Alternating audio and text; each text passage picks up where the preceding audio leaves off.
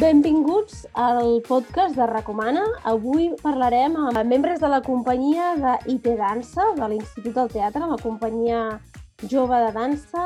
Amb nosaltres tenim a la Caterina Lart. Hola, Caterina. Bon dia. Com estàs? Molt bé, i tu? molt bé, molt bé.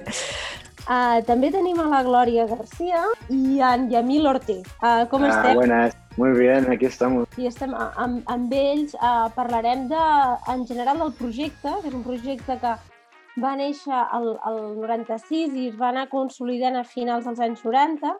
Ja porta moltes generacions de, de ballarins ender, o sigui, moltes generacions de ballarins, alguns d'ells ja són, són coreògrafs, ballarins internacionals molt reconeguts. A part d'això, doncs és, un, és una companyia jove, que això el que, el que vol dir és que fa la transició, no?, Caterina, entre el treball d'escola i conservatori a la transició... A la professió. A la professió, yeah. no?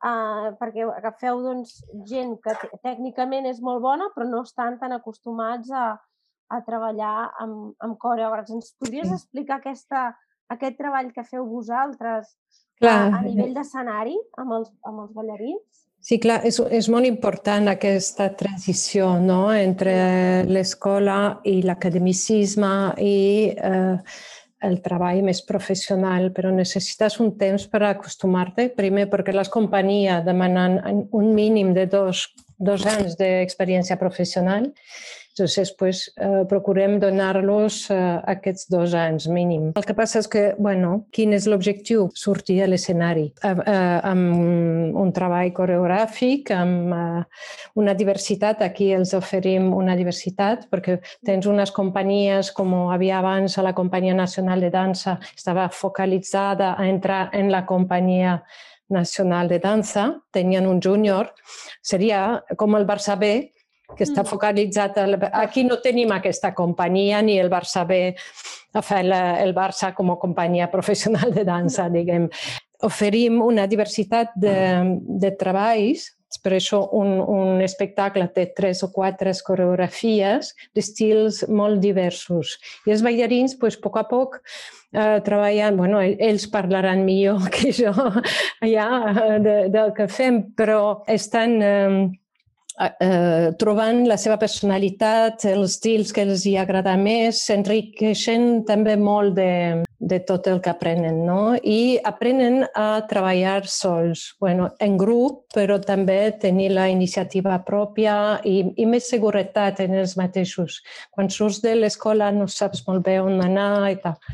I què passa també després de tants anys? Eh, ha, hi ha una xarxa de iteros, els llamen, IT dancers eh, en, en el món que, que els aculls cada, cada any quan hi ha audicions i bueno, les proves d'accés a les companyies professionals. No? Ja, ja, I coneixen els coreògrafs que venen aquí o els, els assistents de coreògrafs. O sigui, hi ha com un teixit de gent que...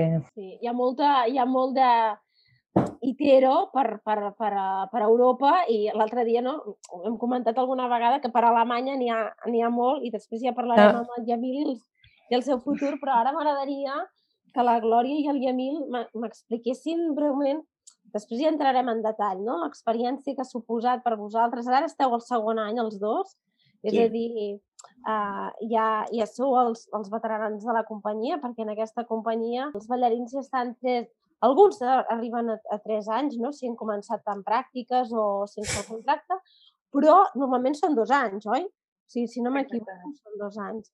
Doncs què no, la, la, la veritat és que els dos han fet, bueno, és casualitat, els, tre, els dos han fet tres anys. Ah, han fet tres anys. Una en pràctica, sí, sí. Vale. Però Normalment són dos anys. Dos, sí, en alguns casos, doncs tres. Doncs què ha suposat per vosaltres aquests tres, aquest tercer any doncs, de creix, com a creixement com a ballarins? Quins van ser els reptes a l'inici, no? I en quin punt us, us trobeu ara? A mi fer el canvi aquest de treballar en un conservatori a passar a una companyia eh, suposa molta disciplina perquè al final al conservatori eh, tens el professor que et va una mica darrere o està més pendent de tu i una mica el que deia la Caterina també, que quan estàs en una companyia ets molt independent, eh, t'autogestions el teu temps, de quina manera el vols utilitzar per treballar, O sigui que és una mica mm, aquest canvi, el canvi més gran, diguem, és aquest. I després, bueno, cada any que hem passat, en aquest cas els dos hem estat tres anys, han estat molt diferents l'un de l'altre. O sigui, el primer any entres i és un món nou i, ostres, què és això, no? T'adaptes, aprens les coreografies, tal, i el segon any va ser com més treballar més eh, profundament y aquest any ja és encarant-lo cap al nostre futur professional. Sí, yo creo que en general es un no parar de aprender. Cada año tú te vas llenando de cosas nuevas y aunque no te lo esperes, dices, vale, yo creo que ya lo sé todo. Pues no, te vienen más cosas y te vas enriqueciendo más y esto mola también. Está muy bien. I una de les coses o les gràcies no, que, que té el, el, aquesta companyia és que no és una companyia d'autor, és a dir, que treballeu amb, amb varietats de llenguatges i estils molt diferents i us heu d'adaptar. I això com, com us funciona el vostre cos, com us ho aneu portant? Heu descobert uns estils o uns coreògrafs que dieu, ostres, aquí entro superràpid i en un altre doncs m'hi he de barallar, no? O, o has de bueno, disciplinar-te molt per dir, ostres, com encaixo jo en aquell treball. Sí, bueno, això sempre passa, que, i més una companyia on es hi ha un ventall de repertoris molt diferents. A mi, per exemple, sí que serien peces que és més fàcil accedir. Per exemple, la que balla, una de les peces que ballarem a Sant Cugat, que és de prom, de la Lorena mm. Naval. Em, per mi és un llenguatge molt fàcil perquè bueno, em surt de natural. Potser hi ha d'altres que són més, eh, com podríem dir, com moviments més puntuals, més explícits i costa trobar-los, bueno, al final és això, el treball es basa en això, en la recerca, fins a trobar el moviment que requereix la peça. Sí, yo creo que también es un poco dependiendo de cómo te has formado tú, porque yo, por ejemplo, que vengo del clásico, en el conservatorio estudié danza clásica solo, pues claro, el primer año de danza yo me ponen a bailar descalzo, que yo no me voy a quitar las zapatillas de ballet nunca. Claro, me encuentro con un mundo nuevo que digo, uff, esto me va a costar y me costó.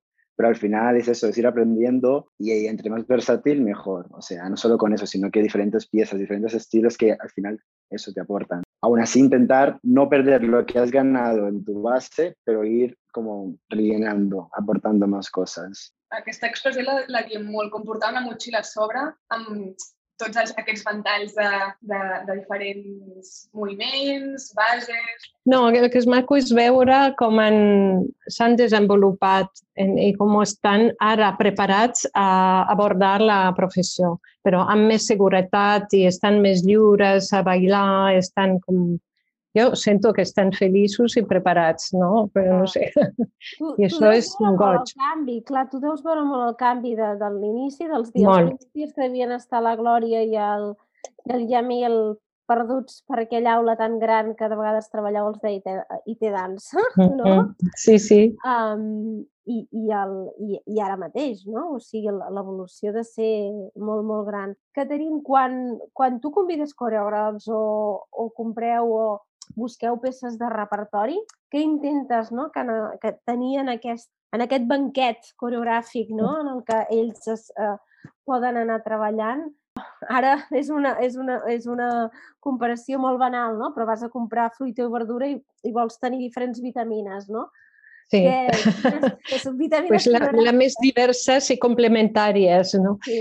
Sí, no, això és que depèn dels anys, no? Però, bueno, el primer és que és el que aprendran els, els alumnes, els ballarins, no? Um, sempre els poso reptes i dificultats, diguem, no? Mm. A vegades jo mateixa penso, ui, això no ho faran, no serà molt difícil, però jo crec que en això que és un treball d'insistir i anar fent. Entonces, bueno, la peça, eh, i després bueno, el públic és molt important també, no? Entonces, la diversitat de treball pels bailarins és important per poder tocar unes peces més tècniques, unes més teatrals, eh? o hay unes a vegades que són amb més improvisació. bueno, a nivell del, del programa és la, que, que, que que s'equilibren ah. també, que hi, ha, hi hagi una mica de tot, o quatre propostes, però que tinguin un equilibri i on es pot veure com es desenvolupa el ballarí com a intèrpret. Perquè jo crec que som intèrprets, no? Som ballarins, som cos que es mouen en el però han de commoure també. I commoure, per això tenim també classes d'interpretació adaptat als ballarins en principi, però és uh, important que el ballarín vagi des del fondo, no? que, del, del que senten, no? que no, no, les, la, el moviment no ve de fora. El moviment ve... És, bueno, els ballarins han d'entendre que són els, pocs, el, els creadors propis del moviment, que han de recrear el moviment que se li proposen i que han de sentir-lo abans de tot. Després poden com sí. projectar-lo, no? Projectar-ho. A mi m'ha agradat aquesta, aquest verb que s'ha agafat, que s'ha utilitzat, recrear, no? Yeah. Perquè ja està, se suposa que ja està creat aquest, aquest moviment, però vosaltres, no? Des, des de dins l'heu de recrear i a part el, el que passa en els conservatoris, en les escoles, com que els ballarins, per exemple, ara el Yamil deia que venia de formació purament clàssica. Glòria, tu vens de purament clàssic o vas jo tocar... Jo vinc de branca contemporània. Vaig fer sis anys aquí a l'institut, també, mm. i, bueno, tot i, i ser contemporani, cada dia teníem clar, eh, sí, sí. classe de clàssic, també. Però clar, com que feia, estaves més en, en els dos... Sí, la balança la, la balança més equilibrada, direm així, que no vol dir res, perquè al final... Però comenceu molt joves, clar, i llavors això també, eh, el, el tema maduresa, pel que deia no, la, la Caterina, d'això del moviment de, de dins, ho heu, ho heu notat, aquesta, aquesta evolució de dir ara ja m'apropio de tot aquest material i el, el recreu des, des de dins? Clar, primer de tot, quan t'ensenyem una coreografia, entre cometes, et limites a aprendre el que és el moviment per saber-lo, no? La partitura, I a partir no? Si preocupes exacte, per la partitura. I a partir d'aquí comença a introduir la música, que ja t'aporta la xispa, diguem-ne, i eh, a partir d'aquí doncs, tu li vas buscant la vida que creus que, que encaixa. Perquè segurament si jo i el Yamil fem el mateix paper o el mateix solo mm, de X peça, no ho farem igual. Uh -huh. Harem interpretacions muy diferentes. Claro, y al final esto es más interesante también, como ver cada persona se lo adapta a su forma, que no está ni bien ni mal, pero bueno, cada uno tiene su personalidad o se le dan unas cosas u otras y te lo adaptas para estar cómodo y disfrutarlo. No, esto pasaba mucho en el conservatorio que te decían, tienes que hacer esto y tú hacías eso y ya está, solo podías hacer esto. Aquí ya tú ya piensas, vale, esto igual me cuesta un poco, si lo hago así, tal, mm. te l'adaptes un poc. Vas provant diverses maneres. Yeah. I també a nivell de temps, no? Perquè en aquesta companyia teniu un temps, bastant de temps, o almenys la Caterina, no? Procura de que tingueu el temps per absorbir bé aquestes, aquestes peces, cosa que l'escola, no? Uh, de vegades es passa molt de puntetes i després una companyia professional tu has d'aprendre en dues setmanes, no? Vull dir que teniu ah. aquí un temps per, per fer aquesta transició. Si us sembla, ens llancem a parlar del, del repertori de les quatre peces que, que es podran veure a Sant Cugat, que jo crec que ens poden obrir diferents uh, portes o universos, uh, estan bé perquè són quatre peces i dues d'aquestes peces han estat, no? Són quatre o tres? Seran tres aquest any, sí. tres? Sí. Quina serà la, la de... La, uh, ai, la de Lorena Nogal, y lo que no se ve de Gustavo Ramírez, que és una, una, una estrena, diguem, l'hem sí. estrenat aquest any, i cas de Can, que el tornem a fer. Ja. Clar. En aquest cas doncs, ens trobem una mica de, no, de varietat. Um, uh, Caix de Can, que és un, un coreògraf super reconegut a nivell mundial i, i d'aquests noms, no? que, que a, a dansa també la gràcia és que podeu ballar alguna peça Nacho Duato, Giri Kilian i actualment també d'Akram Khan, no? Això suposo que mm, és una mica un somni per vosaltres, perquè jo recordo que com a estudiant de dansa era, ostres, poder ballar una peça d'un coreògraf, no? que tu vas a veure no? normalment com a espectador. Tenim la, doncs, Akram Khan, la Lorena Nogal, que és, que és una ex-itera. Eh? Sí, sí, ex, uh, ex ballarina, ballarina de, de la Veronal i, uh, i, també, i també és coreògrafa, i després el Gustavo Ramírez, que va passar per l'Institut del Teatre, no?, com vosaltres, sí. però que després va fer altra... Va, no es va quedar a IT Dansa. no, va ser, bueno, quan... Va ser... podia haver participat als principis de dansa, perquè ell, ell ha volgut eh, anar a Víctor Ullat a canviar de... I tenia, després es va anar al Netherlands Dance Theater, el, el Junior de Netherlands Dance Theater, i bueno, ha vingut, ja és la quarta peça, peça que crea no? per nosaltres, sí. Um, comencem doncs, parlant del treball del Gustavo perquè és, és dels coreògrafs que més ha fet, ha creat més peces potser, no? Per, per IT Dansa. Què té el treball del Gustavo, Caterin, que, que t'agrada? Bueno, yo creo que él saca mucho de los bailarines, sabe verlos, mm. es, es como muy, uh, yo creo, enseña muy bien a los bailarines su movimiento, tiene mucha riqueza de movimiento, pero bueno, es, yo ve, veo que saca cosas nuevas de los bailarines que a lo mejor nosotros no hemos visto, ¿no? Entonces, bueno, está y, y le, le, les da un, un, material para que puedan realmente desarrollarlo a nivel tanto técnico, porque es bastante complejo, pero también a nivel interpretativo. Y yo creo que es muy... té, té molta energia. I molt visceral.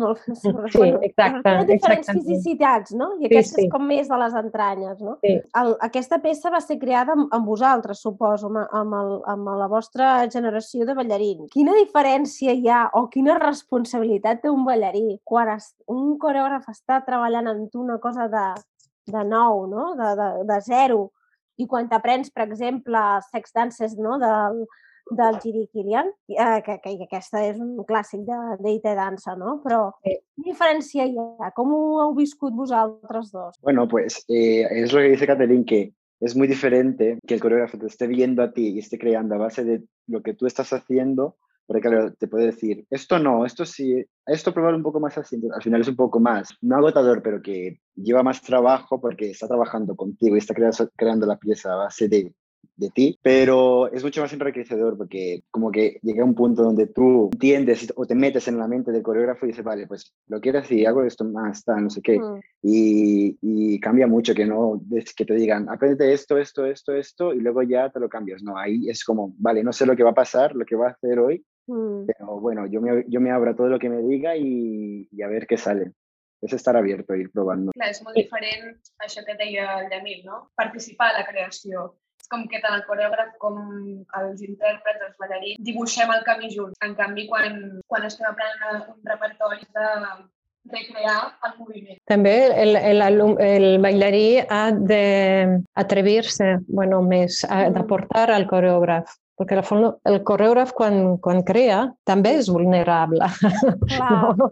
Té una certa bueno, fragilitat també, bueno, i vol, vol sentir inspiració dels ballarins. Entonces, poc poden estar com, bueno, i ara què fa el coreògraf avui? No? Clar, has, de, no has de aportar i et dirà sí o no, però els ballarins més creatius i més presents eh, és el que més ballaran. No? Clar, els, els que s'hi entreguen i també t'has d'espullar, o sigui, despullar Exacte. a nivell d'intèrpret, no? De, de perdre la vergonya, perquè suposo que es proven moltes coses i de vegades, per exemple, si vens molt de, no sé, eh, ara això potser és un prejudici, uh, el Yamil que venia més de dansa clàssica, o que has dit que havies fet tocat molt poc al contemporani, suposo que és això al, al principi deu, deu costar, no? Perquè en dansa clàssica doncs, tens uns codis no? i uns passos sí. molt determinats i amb això ¡guau! Sí, Demasiada sí, libertad puede, puede dar. No, no, sí, sí, es lo, que, es lo que digo, que el primer año yo me costó mucho salir de, vale, esto no es como me lo han enseñado, pero lo tengo que hacer así. No, yo creo que el, el año pasado que se hizo la creación con Gustavo,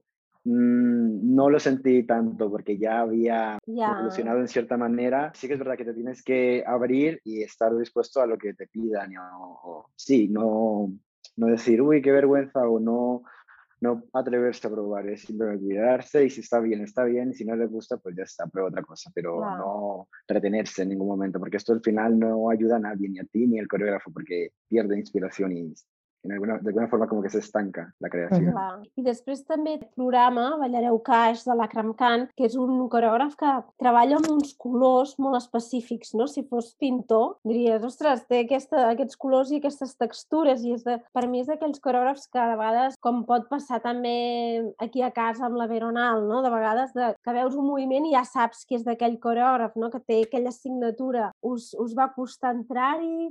Teníeu companys que els, hi, en canvi, era com, això és la meva, el meu llenguatge natural, perquè és molt marcat. Vull dir que, que clar, és com dir, canvia el meu cos completament.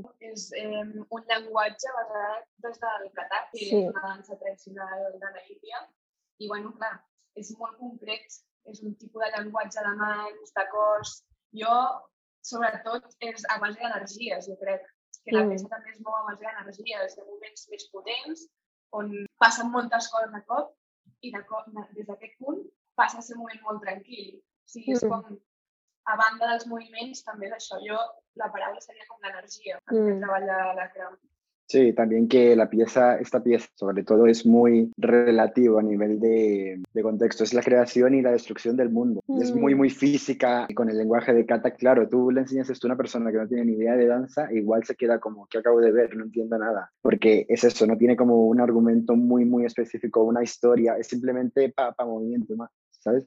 Entonces, sí, es un poco diferente y yo creo que de alguna forma tener esta técnica pues cuesta más hacerlo bien i preciso com, com deberia ser. Eh, eh, Catherine, perquè per aquest tipus de peces també conteu, és a dir, estem parlant molt de coreògraf, però també venen assistents d'aquests coreògrafs a treballar amb ells i fer aquesta traducció o aquesta adaptació. Aquí deuen haver de treballar bastant i a part, si, no, si mal no recordo, és una peça en grup, eh, que sí? Sí, que sí, l'escolta deu ser superimportant. Vull dir, no és un treball aquí, no estem parlant de treballs gaire individualitzats, sinó d'escolta, de, no? Exacte, és una peça bueno, que demana molta, molta disciplina, molta bueno, eh, repetició. I és una peça repetitiva també, però dintre de la peça hi ha moltes. Matisos no? que els van descobrint també a, a mesura de treballar-la. Però és un, una peça que no pots ballar sol, o sigui, has de sentir el grup, has de sentir l'energia i arribar a això. I, i, i quan arriben a això és molt especial, no? I entonces tota l'estructura jo crec que és una peça molt interessant d'estudiar a nivell coreogràfic perquè com canvia les, las líneas, las, las formaciones, es increíble. Yo creo que es una, una geometría secreta, ¿no? Que... Sí, sí, és com arquitectura, és com bueno, les constel·lacions també, no? A nivell d'estètica o la visual és molt potent també perquè tens el, el la decorat que és d'Anish Kapoor, gràcies. Ah? I, i bueno, tot, tot és un U. La gent que, la, la persona que ha fet el vestit, l'Anish Kapoor, la música, mm. que és compleja també, que té també aquest, aquest s'ha creat amb, amb, amb la coreografia. Tot està en set, no és un 8, un 2, 3, 4, tot és en set, no? És com... I és molt, molt influenciada també del, bueno, eh, del catac i té un, un ritual. Aquesta peça té un ritual. Entonces, han d'entrar per molts cantons no? en aquest, eh, i, és, i tècnicament demana molt també. Però quan comencen a, entrar en ella, que la tenen assumida, pues és meravellós, és, és increïble. És molt potent, és una peça molt potent i molt bella. Potser quan ja hi esteu ficats deu ser una experiència bastant espiritual. Vosaltres com us hi esteu, esteu en aquesta peça, vosaltres dos? Perquè de vegades sí. alguns... I què, què sentiu com a, com a grup? Perquè és, és d'aquelles peces que suposo que ha de ser especial viure-les des de dins, no? Sí, bueno, sempre diem en referència a això de Nis Kapoor, som sis ballarins però mm. sempre mm. pensem que l'Anis Kapoor, el decorat, és un setè ballarí que mm. balla amb nosaltres. El que dèiem, una espiritualitat, s'ha crea una espiritualitat entre nosaltres molt, molt maca i, bueno... Sí, también, también hay que decir que en la pieza en ningún momento nadie sale del escenario. Durante los 20 minutos todos estamos en el escenario, aunque no estemos pues bailando. La Entonces, claro, Eso es claro esto te, te, hace, te hace mentalizarte en que, vale, me voy a meter en un mundo que, sabes, como que de verdad no vas a desconectar porque no vas a salir. Entonces todo el mundo sabe en todo el momento qué está haciendo todo el mundo, ¿sabes? Estás consciente de, eso está aquí, eso está aquí. Entonces, esto mola porque una vez sales es como, uff, ¿dónde estás? Sí, és com una experiència. I per altra banda, jo crec que també ens hem de saber gestionar molt bé eh, la respiració, sobretot. Sí, resistència. Sí. La resistència.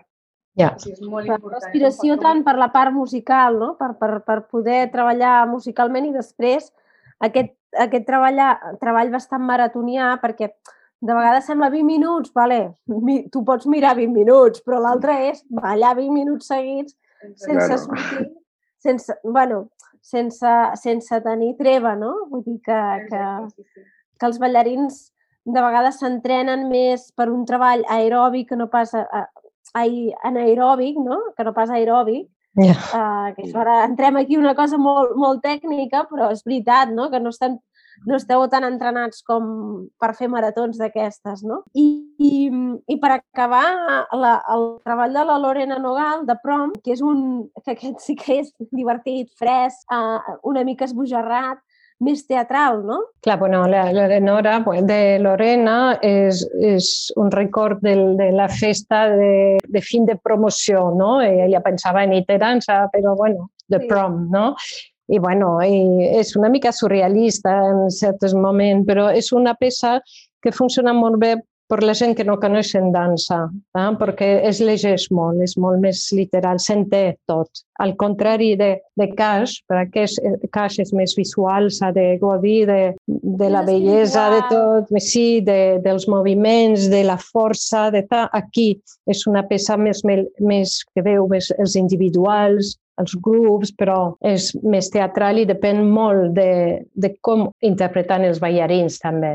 Sempre, eh? en cada peça. Jo crec que el ballarí és, eh, ha de defen defensar les peces en l'escenari i convèncer, no?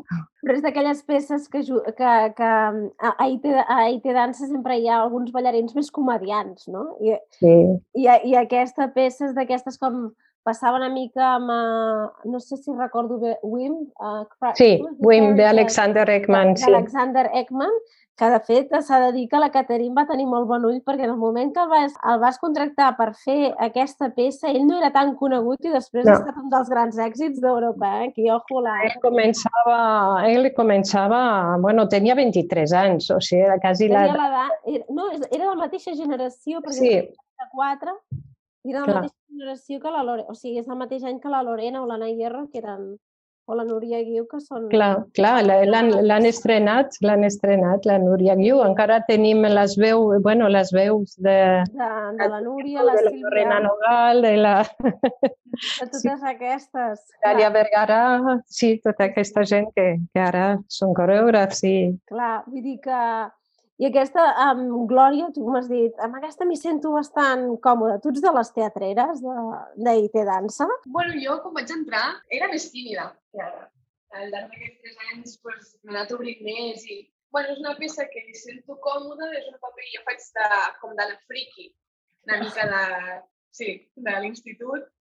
I bueno, més fàcil, em surt bastant natural, la veritat, sí, sí. Sí, también tengo que decir que, que al ser una pieza más, más teatral, como más de interpretación, eso no quiere decir que sea más fácil. Al contrario, si tú la dejas y dices, bueno, hago un poco el tonto y no pienso lo que estoy haciendo, esto llega a un punto que no pierdes Però la públic- gracia. El públic no és tonto i, i en esta, el públic, no? I en aquestes peces d'aquelles que, que has de ser molt conscient de la connexió que tu tens amb el públic, no? Que no Clar. et pots tancar, no? Que aquí la quarta paret l'has de, bueno, has d'estar allà connectat, no? Vull dir, la comèdia té això, vull dir que, que de vegades és molt, és molt punyetera, no? És molt... Ah, si el bailarí no està convençut, no convencerà, el, eh, allí comencem, no? La, què vols dir clar. això i com ho faràs? Perquè a vegades diuen, no, no, però jo sento això.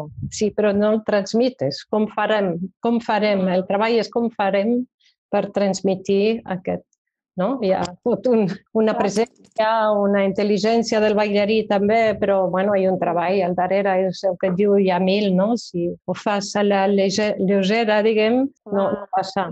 Hi ha un ritme també, hi ha una qüestió del ritme que també és important, no? Molt, molt, el ritme és molt important. I ara que anem acabant, um, al principi apuntam que la Glòria i el i Emil ja era el tercer any que estaven a IT Dansa i ara ja estan a un altre impàs, no? Que està, us falten pocs mesets, deu, deu fer una mica de pena. Us fa pena deixar la companyia i ara obrir-vos a altres, altres, uh, bueno, altres companyies? A veure, En teniu ganes? Sí. sempre fa paneta i al final es tanca un cicle. Es tanca una etapa de la nostra vida que, bueno, jo almenys he estat 9 anys a l'institut, vull dir que és Clar, una etapa molt grossa. Però una dècada gairebé. sí. eh, també tinc ganes de, de veure què es fa fora, com treballa la gent, bueno, d'altres aires una mica. Sí, también de haber estado tres años, como que de verdad yo, por ejemplo, noto todo el cambio que he hecho solamente en Danza. Entonces es como, wow, da un poco de pena pensar cómo entrar y cómo estoy saliendo ahora, pero va bien, va bien también salir y, y descubrir el mundo, volar. I tu ja tens la sort, no, Yamil, de que te, ja tens contracte, eh, que te'n vas a Alemanya. Sí, me han ofrecido un contrato en Wiesbaden, en la compañía de Bruno Hendry. Hice tres audiciones y al final me llamaron de aquí y, y tengo contrato. En junio empiezo, de hecho. Y sí, sí, muchas ganas. Pero eso sí, es eso que me da un poco de pena y al mismo tiempo no sé qué esperarme porque va a ser un mundo totalmente diferente, después de estar acostumbrado a estar tres años aquí en el instituto, tal, va a ser total, completamente diferente, otro idioma, otro país, otra gente, Mm. pero bueno, me, me irá bien, me vendrá bien, creo yo. Y tengo muchas ganas también. L- Una llàstima no, que tenim perquè en, moltes, en molts casos, no, al, a Alemanya, per exemple, hi ha moltes companyies, no, o altres països, però Alemanya és de les que potser a Sí. nivell de per càpita, suposo que quan mireu les audicions són, us mireu totes gairebé fora, no? O, o, o algunes per Espanya. Bueno, eh, és més fora, no? Perquè i he de dir que potser és a Alemanya que té més ballarins d'IT dansa, Sí. perquè eh, ara mateix tenim dos en, en, en Wuppertal, la companyia de Pina Bous. Sí. Eh, en, en Wiesbaden ja van passar sis o set, no? Va haver ja- algun ja moment que, que n'hi havia molts, la meitat del... I, i tenim Maria, que està en Stuttgart, amb Eric Gauthier també, que s'ha anat una mica més d'hora aquest any, però ha tingut la, la possibilitat al gener d'entrar en aquesta companyia, que és molt bona, no? I, bueno, així, bueno, hi ha molts, molta gent, hi ha diversos altres, Regensburg, altres companyies, no? L'important és que trobin, a vegades són companyies de transicions, però bueno, és veritat que a Alemanya cada ciutat té un, un teatre quasi, no? És una altra cultura, aquí és molt més difícil i no hi ha una... Com... Hay la Compañía Nacional de Danza, pero no...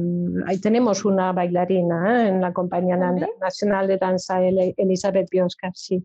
Però ja fa anys que l'Elisabet que està allà, sí, sí. Tenim gent que ha anat a, a València aquest any també per un projecte una mica similar, que és el BDF, però ara estan els dos, bueno, una a Suïssa i l'altra està en, en Dublín, no? O sigui, a tot arreu. El que passa, clar, jo crec que d'un costat pues, és molt bo que surtin, però Mm. seria molt bo que puguin tornar, no? Tornar i trobar una feina que els hi agradi aquí. No? Bueno, estem en altres temps i moltes vegades es junten, han tornat, hi ha molt de, molta Mm. generació que han tornat aquí i que Mm. estan fent molta feina aquí o que es troben per fer projectes. I tenim pues, molts que són ja coreògrafs, com la Núria Guiu. La... Home, suposo que, que també quan ets jove, no? quan teniu aquella edat que tenen la Glòria i el Yamil, que suposo que deveu, deveu tenir 20 o 20 i pocs, 21, 22.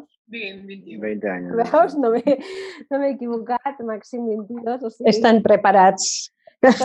preparats i que, que deveu tenir també ganes no? de, de que s'obri el món i, Mhm. de, i de, bueno, de, de descobrir llocs no? i maneres de, de treballar, oi? No, no, que al final también pensar que vas a trabajar de lo que de verdad te gusta es súper enriquecedor porque si comparas a mucha gente que va cada día a su oficina, que está amargada, que no le gusta su trabajo, pues claro, tú trabajar de lo que de verdad te gusta, pues es un, es un gustazo y, y- y yo lo valoro mucho, ¿verdad? Doncs res, el, el 14 de maig eh, al Teatre Auditori de, de, de Sant Cugat i és una gran oportunitat, no només per als ballarins, sinó també per al públic, per descobrir aquests universos i aquests coreògrafs tan importants no, com a Can, altres doncs, d'aquí, com a Gustavo Ramírez o la Lorena Nogal. Moltes gràcies per la conversa, Caterín, Glòria i a mi. I Gràcies a ti. Molta sort, o molta, perdó, molta merda Moltes gràcies, eh, Clàudia. Muchas gracias, Claudia.